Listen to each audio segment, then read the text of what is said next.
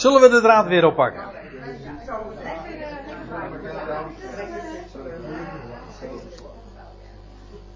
Wij waren gebleven bij vers 10. En dat was de, het begin van de verdediging van, van, van Paulus. Eigenlijk is dit alleen nog maar zijn, zijn introductie. Hij vertelt eh, dat hij weet wie, eh, wie hij voor, hij eh, voor zich heeft. En dat hij ook zich met goede moed gaat verdedigen. En dan zegt hij, oh laat ik eerst nog eventjes inderdaad ook dat laten zien. De structuren. We hadden het zojuist over de, het hele hoofdstuk, hoofdstuk 24. Over hoe dat dan ingedeeld is. En dan zie je de verdediging van Paulus. Hij begint met de erkenning. Wat hij dus uh, beleidt. En wat vervolgens in vers 12 en 13 de ontkenning. En dan vervolgens de beleidenis. En dan heeft hij het over opstanding, vers 14 tot 16. En dan krijg je in vers 17 en 18 weer een herhaling van dezezelfde lijn. Namelijk een erkenning, een ontkenning. En vervolgens in vers 21 weer komt hij weer terug bij de beleidenis, namelijk van de opstanding. Eenvoudige herhaling dus van drie stappen, drie treden, zeg maar.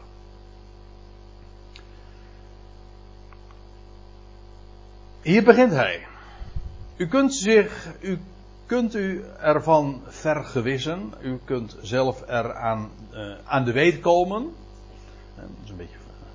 Uh, ik realiseer me eigenlijk nu dat het een wat oud Nederlands woord is. Er, je ergens van vergewissen. Er, je, u kunt er zelf van vergewissen. Bijvoorbeeld door navraag te doen. Paulus was nu in Caesarea. Maar twaalf dagen eerder was hij ook al in Caesarea. En dat betekent dus dat Felix, die zou gewoon heel eenvoudig kunnen nagaan dat het waar is wat Paulus nu gaat zeggen. Uh, dat hij toen, der tijd, twaalf dagen eerder, in, uh, in het huis van uh, Philippus in Caesarea was. U kunt u ervan vergewissen dat het voor mij niet meer dan twaalf dagen zijn sinds ik opging om te aanbidden in Jeruzalem. Twaalf dagen nog maar. Kijk, we hebben nu al zoveel avonden daaraan gewijd. Hè, sinds Paulus daar vanuit Caesarea naar Jeruzalem is gegaan en alles wat hij heeft meegemaakt. Maar het is maar nog geen twee weken. Dat dat allemaal zo uh, zijn beslag heeft gekregen. Niet meer dan twaalf dagen uh, tevoren. Je kunt dat gewoon reconstrueren. Laten we het eventjes doen. In, ik zal dan ook meteen de, de bonnetjes, de, de teksten erbij vermelden. In hoofdstuk 21 lees je dan, vers 15 en 16, dat hij vertrekt uit Caesarea. Hij had, hij had gedurende, ik meen een paar dagen, was hij gebleven in het huis van Filippus. Weet u wel, met die vier doch, ongehuwde dochters. Die, nog, die profeteerden dat wat hem zou overkomen daar in Jeruzalem. En er was zelfs een profeet uit Jeruzalem gekomen een Agabus om te zeggen van ga nou niet. Enfin, dat was twaalf dagen geleden. De eerste dag dus uh, was uh, dat hij toen vertrok. Dan een dag later komt hij aan in Jeruzalem. Nou ja, ik noem de teksten erbij, dat kunt u dan zo nagaan. Dan vervolgens een dag later bezoekt hij Jacobus, dat is de derde dag. En nog weer een dag later dan doet hij aangifte in de tempel, namelijk dat hij zich zou heiligen. Dat gaat dan over uh, het ritueel wat hij zou ondergaan. En dan nog weer een dag later, dan beginnen de, de zeven dagen. Uh, waar afspraken over gemaakt worden. U kunt dat nalezen in uh, dit vers dus. En het is ook de dag, die vijfde dag, dat hij, dat Paulus gearresteerd wordt. Een dag laat, en dit is trouwens ook de dag dat Paulus niet alleen gearresteerd wordt, maar ook die, die reden houdt. Nou, eerst, laat ik het anders zeggen. Hij wordt gearresteerd, waarom? Omdat hij bijna uh, vermoord zou worden daar bij dat tempelplein. De Romeinen die grijpen in. Paulus krijgt de gelegenheid om zich, uh, om het, het enorme hoeveelheid mensen die samengedromd was, uh, om die toe te spreken vanaf de trappen, weet u nog, handelingen 22. Dat is allemaal die, deze dag ge gebeurd. Een dag later moet Paulus zich dan verantwoorden voor het Sanhedrin. Nog weer een dag later, dan lezen we van dat complot van de Joden, waar die neef van Paulus dan achterkomt. Een zoon van zijn zuster was het. En dan dat hij in de nacht vertrekt uit Jeruzalem. Dan komt hij vervolgens een dag later, dat is de achtste dag, in Caesarea aan. En ja, dan krijg je de tweede dag in Caesarea, de derde dag in Caesarea, de vierde dag in Caesarea. En dit is, zagen we in vers 1 van dit hoofdstuk 24, de vijfde dag. En dat is, dit is dus de dag, de rechtszitting in Caesarea. Zodat je precies ziet, als Paulus zegt, het is nog maar twaalf dagen geleden. Dan kun je zo nagaan hoe dat dan gegaan is. Vijf dagen dan, dit is de vijfde dag in, dat hij in Caesarea is geweest. Maar feitelijk, al die gebeurtenissen daar in Jeruzalem, dat is in, in één week gebeurd. Hè?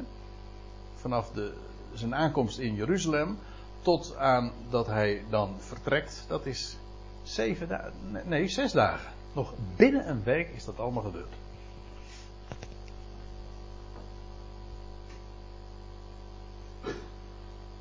Er zijn van die tijden soms dat er uh, enorm veel gebeurt.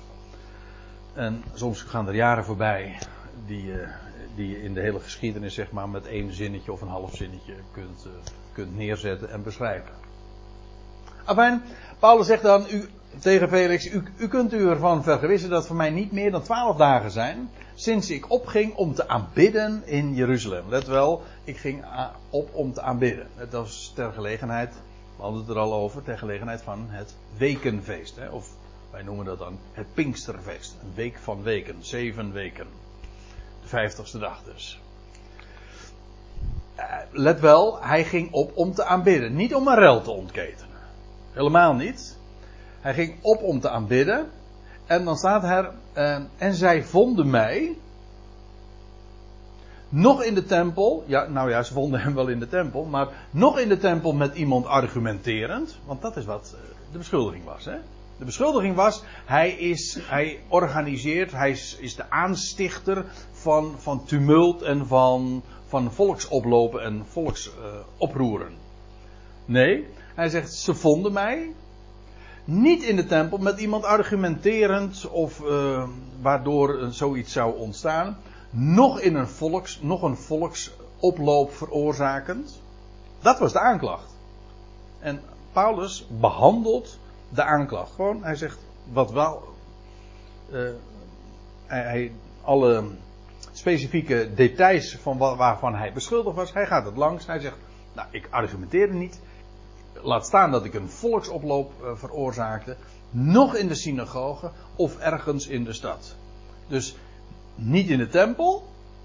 Niet in de een van de synagogen die Jeruzalem rijk is. Of ergens in de stad. Paulus was daar in Jeruzalem. Hij, hij, had, hij wist wat hem daar te wachten stond. Hij heeft zijn hart vastgehouden. En in alle rust. Sterker nog, hij ging maximaal mee met de Joodse gewoonten.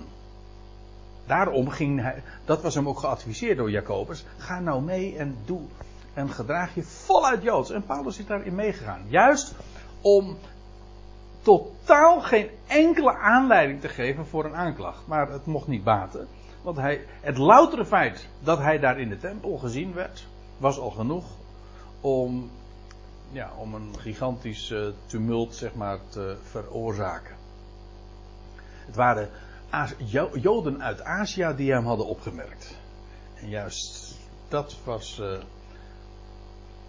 de aanleiding voor, ja, voor de, voor de, de massahysterie die vervolgens ontstond.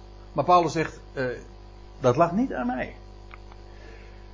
Niets kunnen zij, als bewijs dus, presenteren aan u. Omtrent de dingen waarvan zij mij nu beschuldigen. Ze beschuldigen Paulus ervan dat hij een oproerkaar is. Nou, dat was hij helemaal niet. Hij was gewoon in alle rust gewoon een aanbidder daar in de tempel.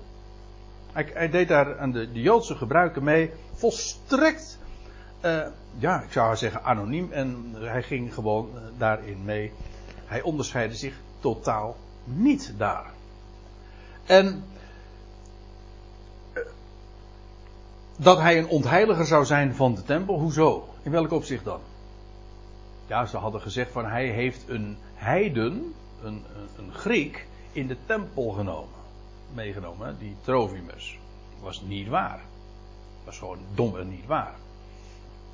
Ze hadden hem ergens in de stad gezien met die Trofimus, maar in de tempel hebben ze hem niet gezien. Trouwens, dan had, dan had die Trofimus gedood moeten worden. Dus het is niets kunnen zij presenteren aan u omtrent de dingen waarvan zij mij nu beschuldigen. Ze beschuldigen u wel, maar ze kunnen niet de bonnetjes overleggen. Ze kunnen nooit, ze kunnen dit niet hard maken. Dit is Paulus' verdediging. Maar, zegt hij, dit beleid ik, dit erken ik. Ik geef het, zeg maar, toe. Ja, ik beleid het. Dit, dit, dit, dat is leuk, dat woordje beleiden, dat is, daar, zit, het homo, eh, en dat betekent eh, hetzelfde, gelijk. En logo betekent zeggen. Beleiden is eigenlijk hetzelfde zeggen. Als je iets beleidt, dan zeg je dus hetzelfde als. En hij zegt, dit beleid. Hij zegt, ik, ik zeg hetzelfde, inderdaad. Of dit geef ik toe, als wat jullie beweren. Namelijk, dat overeenkomstig de weg die zij, zojuist, door die Tertullus, die zij, die Joden, een secte noemen. Ja, dat had die Tertullus gezegd. Die had gezegd dat Paulus behoorde tot de secte van de Nazoreërs. Nou, zegt Paulus, dat erken ik. Uh, alleen hij corrigeert dan eventjes de formulering. Uh, ik bedoel, die Tertullus die had het over de secte van de Nazareners. Hij zegt nou, ik beleid voor u dat naar of overeenkomstig de weg die zij, dat, die formulering laat hij dus voor hun rekening, die zij een secte noemen, ik zo de God der vaderen dien. Dat wil zeggen, ik dien de God der vaderen overeenkomstig de weg. Wat zij dan de secte van de Nazareërs noemen. Hij zegt, en dat erken ik. Dus hij had gezegd van ja, hij behoort bij die secte van de Nazareërs. Nou, dat erken ik. Ik noem het anders. Hij zegt, dat is de weg. Um,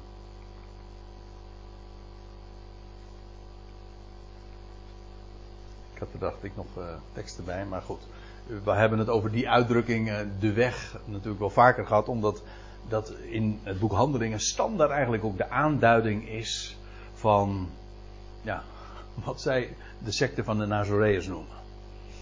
Dus de weg. Dat herinnert nog feitelijk ook aan de, aan de,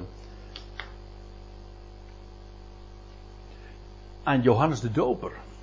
Aan de profetie, namelijk dat er iemand zou komen, die als de, voordat de Messias zou komen, zou, hij de, zou er iemand zijn die de weg zou bereiden.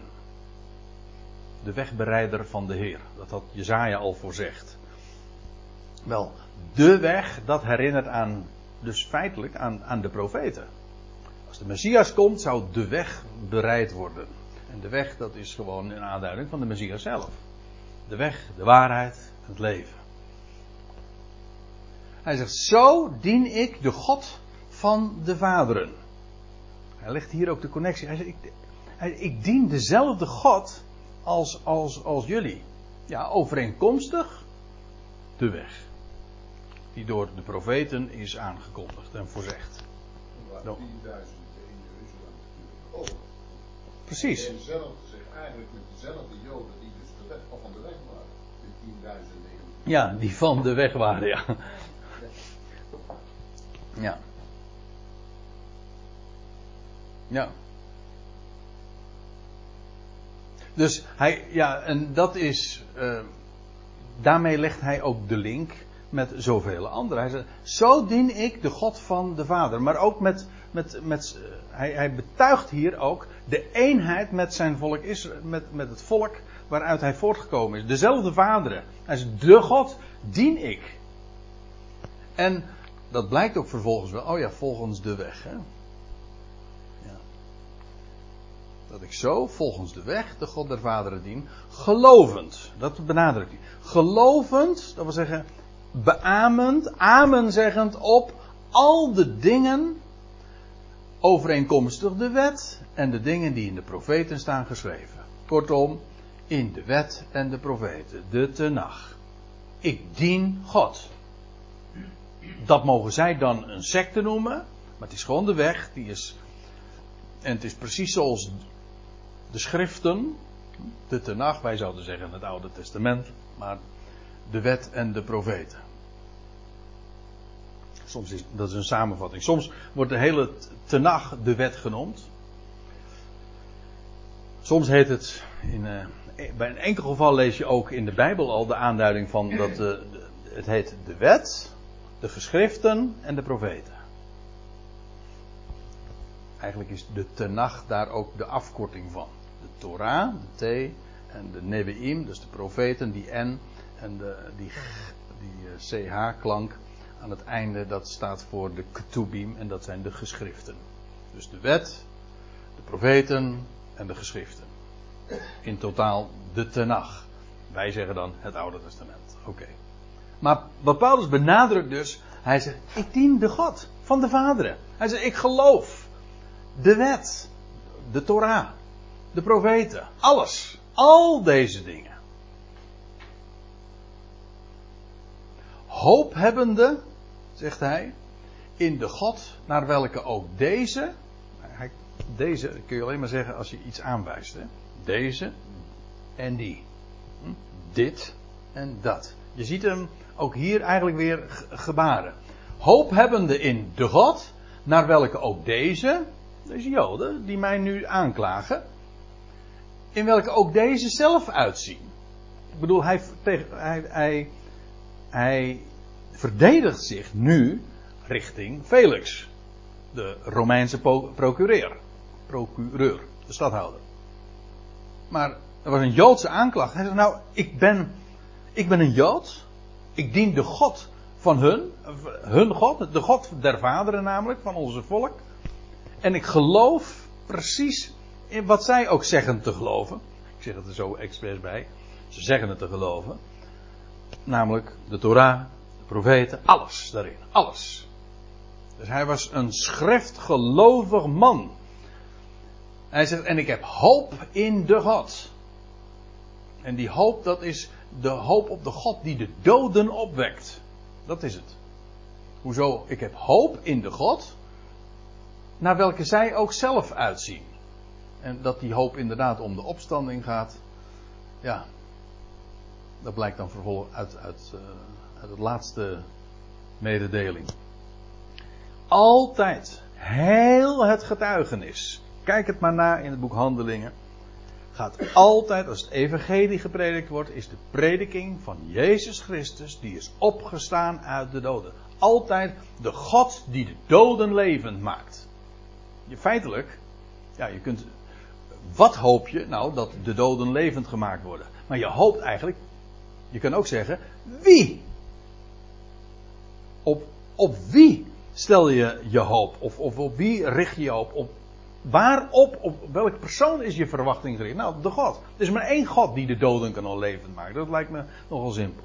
Wij zijn allemaal stervelingen. En de hoop is, er is een God, de levende God, en hij maakt de doden levend. Nou, dat is wat ik vertel. Hij zegt, maar dat is toch niks nieuws? Dat geloven jullie toch ook? Dat was precies ook de reden waarom er toen in de Joodse raad een hele kwestie eh, kwam. Omdat de Sadduceërs dat juist weer ontkenden was weer een secte van de Sadduceërs. Ook een partij.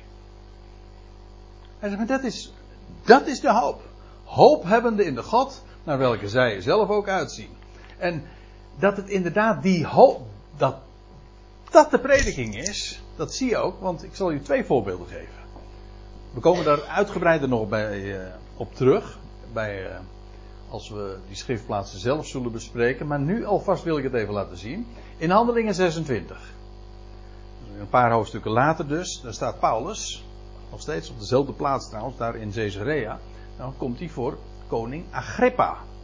Uit de Herodese familie komt hij te staan. Gaat hij zich verantwoorden.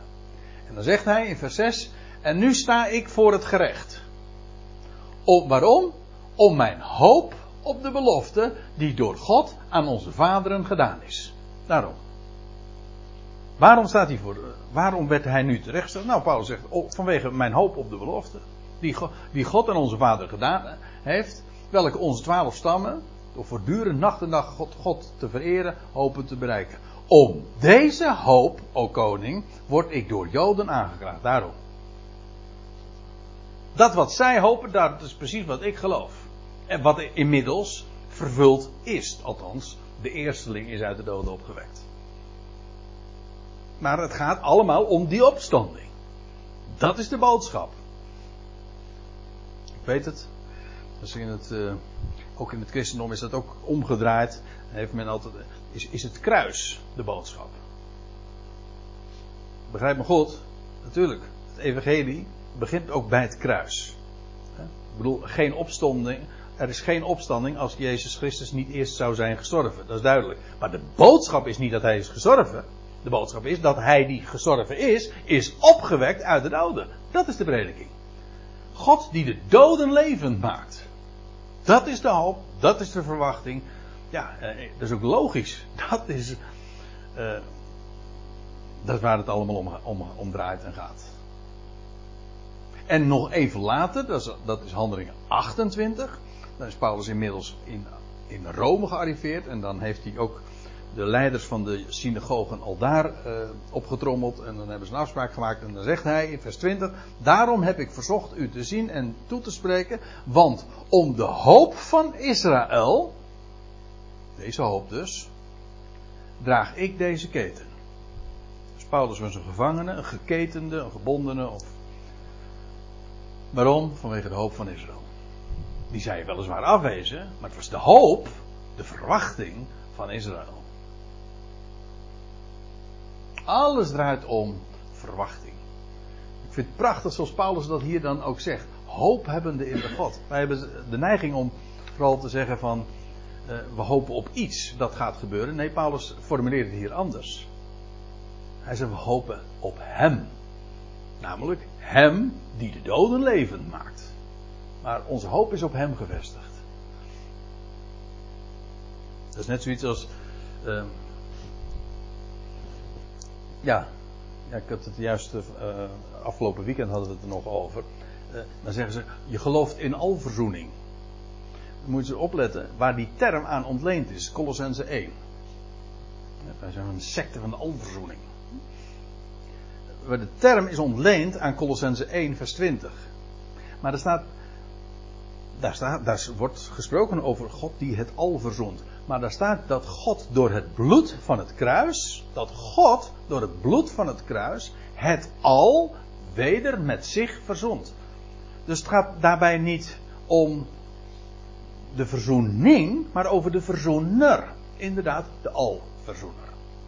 Wij geloven dus niet in alverzoening, we geloven in de alverzoener.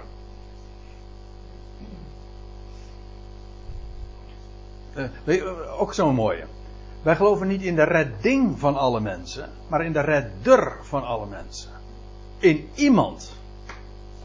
Onze hoop is, ja, onze hoop is gevestigd op de levende God, die de redder is van alle mensen. Wij hopen op Hem. Hoezo? Wel, Hij redt alle mensen.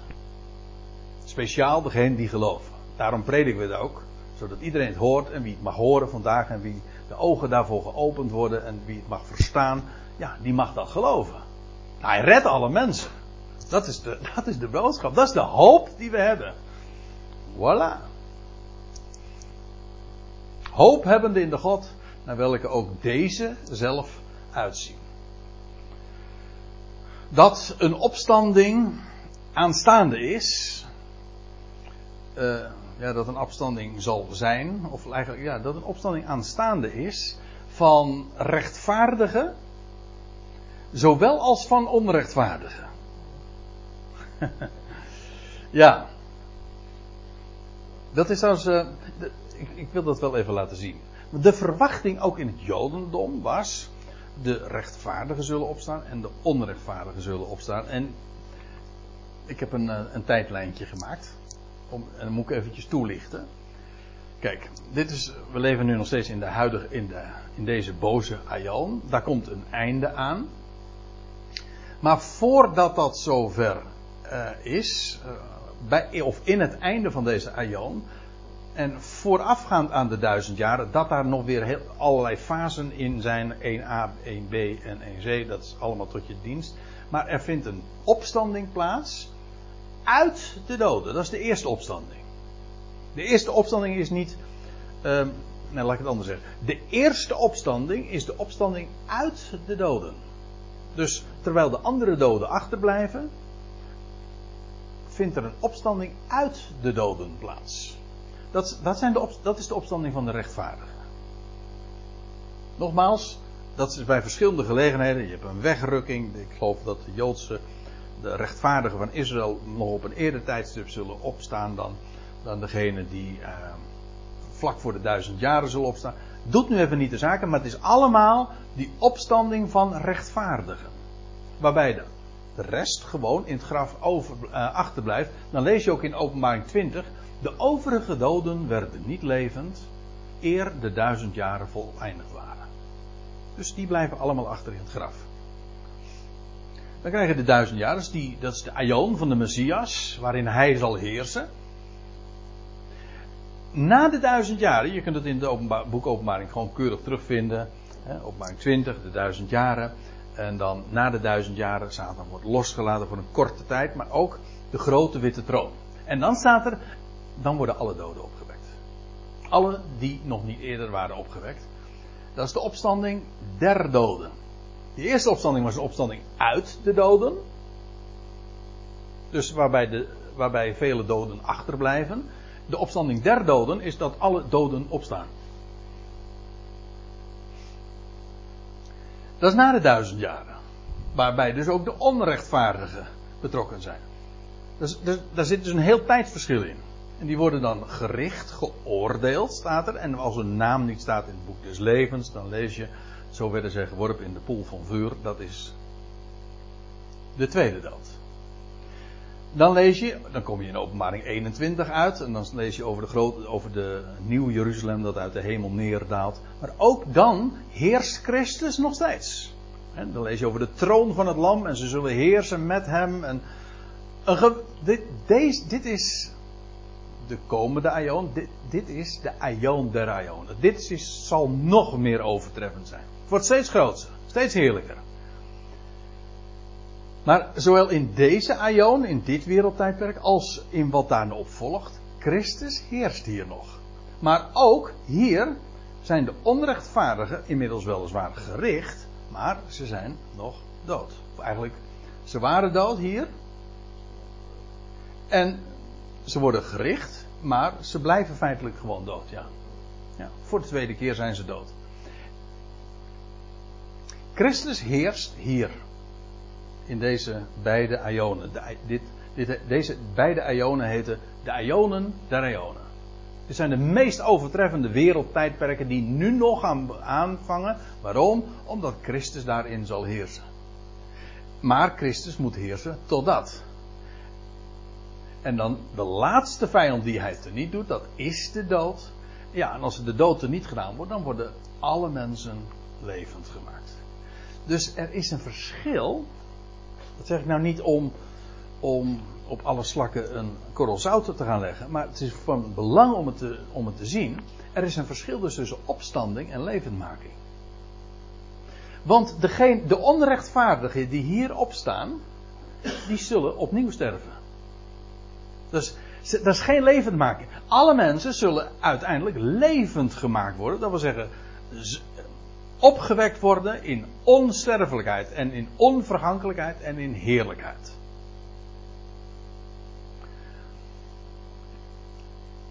Er zijn trouwens in de Bijbel, vind je allerlei mensen. Ik bedoel, een man, iemand als Lazarus, de jongeling van Nain. Dat zijn allemaal mensen die stonden op allemaal zoveel, niet, niet dat het er zoveel waren, maar in ieder geval, dat waren mensen die stierven. Ze stonden op, maar ze zijn na verloop van tijd gewoon weer gestorven. Eigenlijk een tweede dood dus. Dus een opstanding is nog, is nog niet een leven. Levendmaking, dat, dat is alleen wat Christus is overkomen. Toen hij opstond uit de doden en, opsta, en opstond om nooit meer te sterven. En dus onvergankelijk leven aan het licht bracht. Dat heet levendmaking. En dit is het deel van alle mensen, maar pas als de dood als laatste vijand er niet zal zijn gedaan. Degene die dit dus, die hier nog worden levend gemaakt, die hebben de heerschappij van Christus niet meegemaakt. God wordt alles in allen, dus ook in hen. Dat is hier, vanaf hier. Maar ze hebben de heerschappij van Christus, het koninkrijk van Christus, maar hebben ze geen deel gehad. Het is van belang om, om dit verschil te zien. Dus als, als Paulus zegt, uh, ik hoop op de God, uh, en ik weet dat er een opstanding aanstaande is van zo'n rechtvaardige, eerst, later ook van de onrechtvaardige, sluit hij hier gewoon ook helemaal aan op wat de Joden ook wisten. Dat Paulus inmiddels ook al ja, ook predikte van dat de dood uiteindelijk te niet gedaan wordt. Dat al alle mensen, rechtvaardige, onrechtvaardige, ook levend gemaakt worden.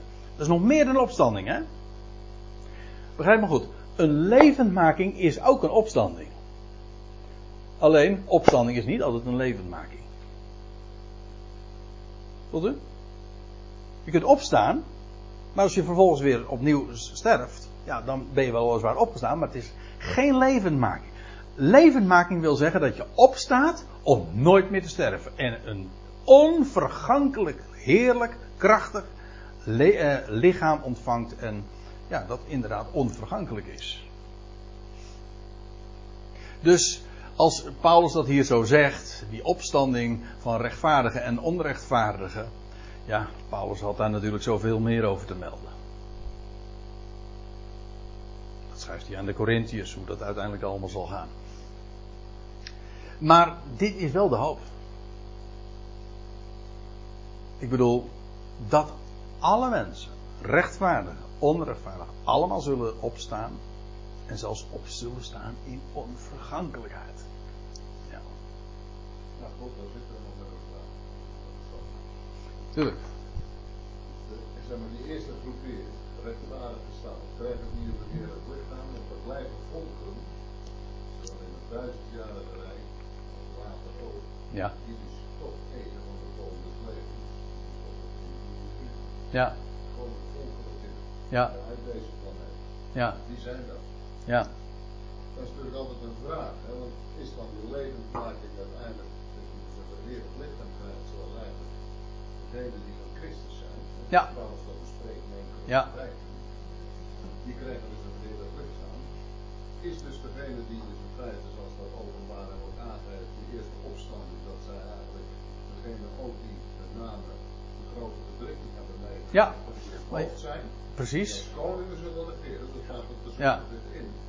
Ze zullen dus moeten regeren dus over volkeren nog. Ja. En hebben zij dan al een beheerlijk lichaam? Of krijgen ze dat pas aan het eind van die twee aionen? Want dat is natuurlijk, er zitten Ja. vaak heel veel dingen nog ertussendoor, Ja.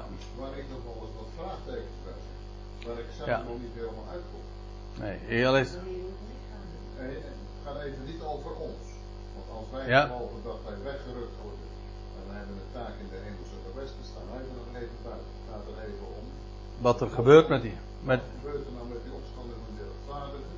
Direct als de Christusregering begint Ja. bij duizendjarige tijd. of dat ook een levendmaking is, of zij al een onvergankelijk lichaam zullen hebben. Ja, als mij vraagt. eh, ja, ja, je brengt zo nu ter sprake. En dat is dan weer het voordeel als je dan. Als, als op deze plaats staat. eh, dat, je, dat ik dan wat over eh, mag zeggen. Kijk, je leest in 1 Corinthië 15 en Paulus zegt. ehm, zoals in Adam alle sterven, zo zullen in Christus allen worden levend gemaakt. Maar, zegt hij, ieder in zijn eigen rangorde. Christus als eersteling. Die is. Christus is de eerste die levend gemaakt werd. Niet de eerste die opstond, maar de eerste die levend gemaakt werd. Vervolgens, daarna, de volgende levendmaking, de volgende rangorde, zeg maar, dat is allen die, zij die van Christus zijn, in zijn parousia. dit is allemaal nog de parousia van Christus. Dus als u mij vraagt, niet alleen in verband met de wegrukking, maar ook die doden, die, die zij die opstaan uh, vlak voor de duizend jaren, zij die omgekomen zijn in de grote verdrukking en die onthoofd zijn, ook zij staan op. Maar dat is allemaal in Christus parousia. Dus ik zou zeggen, zij komen helemaal in aanmerking ook om levend gemaakt te worden. Dus ja, deze opstanding van uh, rechtvaardigen is inderdaad. Zo, ja, dat is trouwens ook een mooie. Want in Johannes wordt dat ook genoemd de opstanding ten leven. Je hebt ook een opstanding ten oordeel. Ten gerichte. Dat is uh, hier, ja. Dit is een opstanding ten gerichte. Ze staan namelijk al op om gericht te worden. Niet verdomd. Ja. Kan, kan het dan ook dat ze gericht worden en gezegd wordt: jij mag toch ook meedenken? Hier. Waar er ook een tweede dood is? Uh, wacht even, ja, wacht even. Ik probeer je vraag te begrijpen. Uh, nou, Hier, ja, bij de grote witte troon. Ja. De doden staan daarop. Nu, Ja. nu, nu uh, Christus niet herkennen als Ja. God, of God niet Ja. die staan op. Maar je hebt natuurlijk, ja, ze worden gericht. Ja. Dus je hebt natuurlijk ook best heel veel mensen die echt vanuit hun hart goede dingen doen, die alleen nog niet mogen zien dat Christus er is. En dan denk ik, ja, zouden die dan ook toch mee mogen nemen? Aha. Mensen die in het boek des levens staan. Ja, dat is precies. Want er staat zo hun naam staat. Ja, precies. Want zo hun naam staat in het boek van het leven. Eh, nee, als hun naam niet staat in het boek des levens, wordt negatief geformuleerd. Als hun naam niet staat in het boek des levens, zo werden ze geworpen in, in het meer van het vuur. hè. dat is de tweede dood. Eh, of, dat, wat, of dat betekent dat iedereen die hier bij deze gelegenheid opstaat, daadwerkelijk ook in de tweede dood komt. Dat wordt vaak beweerd, maar ik weet niet of dat waar is. Dat is nog maar zeer de vraag. Er staat bij, als hun naam niet staat, dat suggereert dat er de mogelijkheid ook is dat hun naam wel staat in het boek van het leven. maar, ja, dit is, wel, dit is weliswaar heel boeiend. Ik heb het zelf opgeroepen, eh, door de- deze tijdlijn even te noemen, te geven. Dus ja, nou, dat roept deze vragen op. Eh, maar laten we niet, eh, want dat is ook denk ik niet nodig, want het gaat. Ik gaf even een korte toelichting op wat Paulus hier zegt in vers 15 over die rechtvaardigen en onrechtvaardigen, die beiden zullen opstaan. ik wilde daar wat over zeggen, maar ik wil niet al te diep op de details ingaan, want het onderwerp is nu helemaal niet eh, de duizend jaren, ook niet de grote witte troon en de boek van het leven enzovoort. Allemaal buitengewoon boeiend hoor. Maar ik denk dat we beter zulke vragen wat eh, voor een andere gelegenheid kunnen parkeren.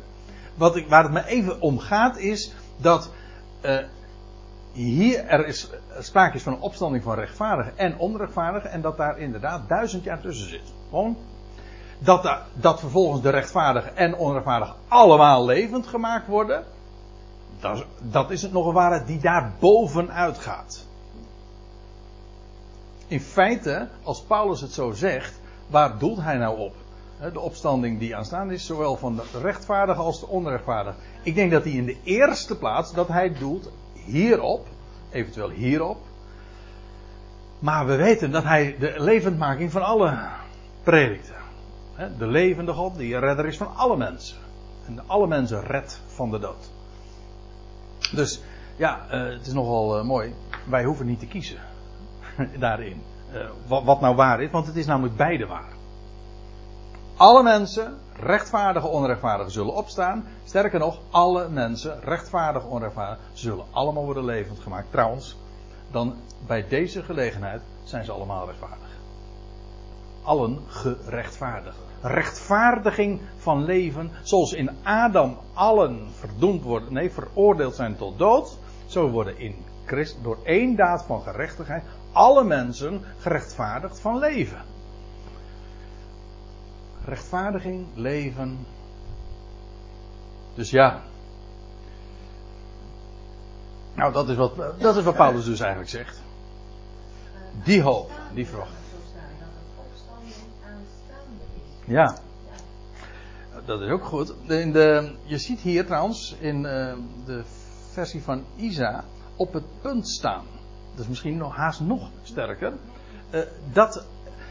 Het idee is niet zozeer van dat dat eh, nu meteen gaat gebeuren, maar het is wel eh, het, het eerste wat we verwachten. Het is aanstaand. Ja, dus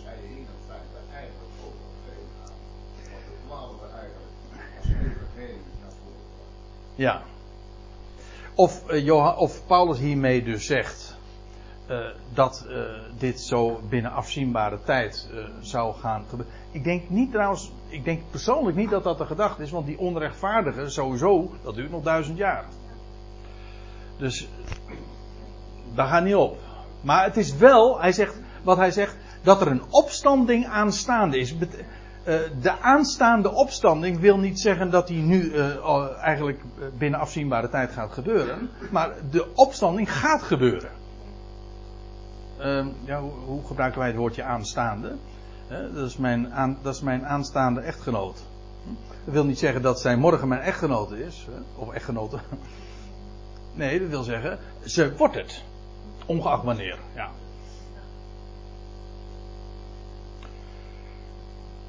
Ja. En ik denk dat we er verstandig aan doen om hier nu een punt te zetten. Ik zie dat het 5 voor 10 is. En dat we de volgende keer dus de draad oppakken bij, eh, bij vers 16.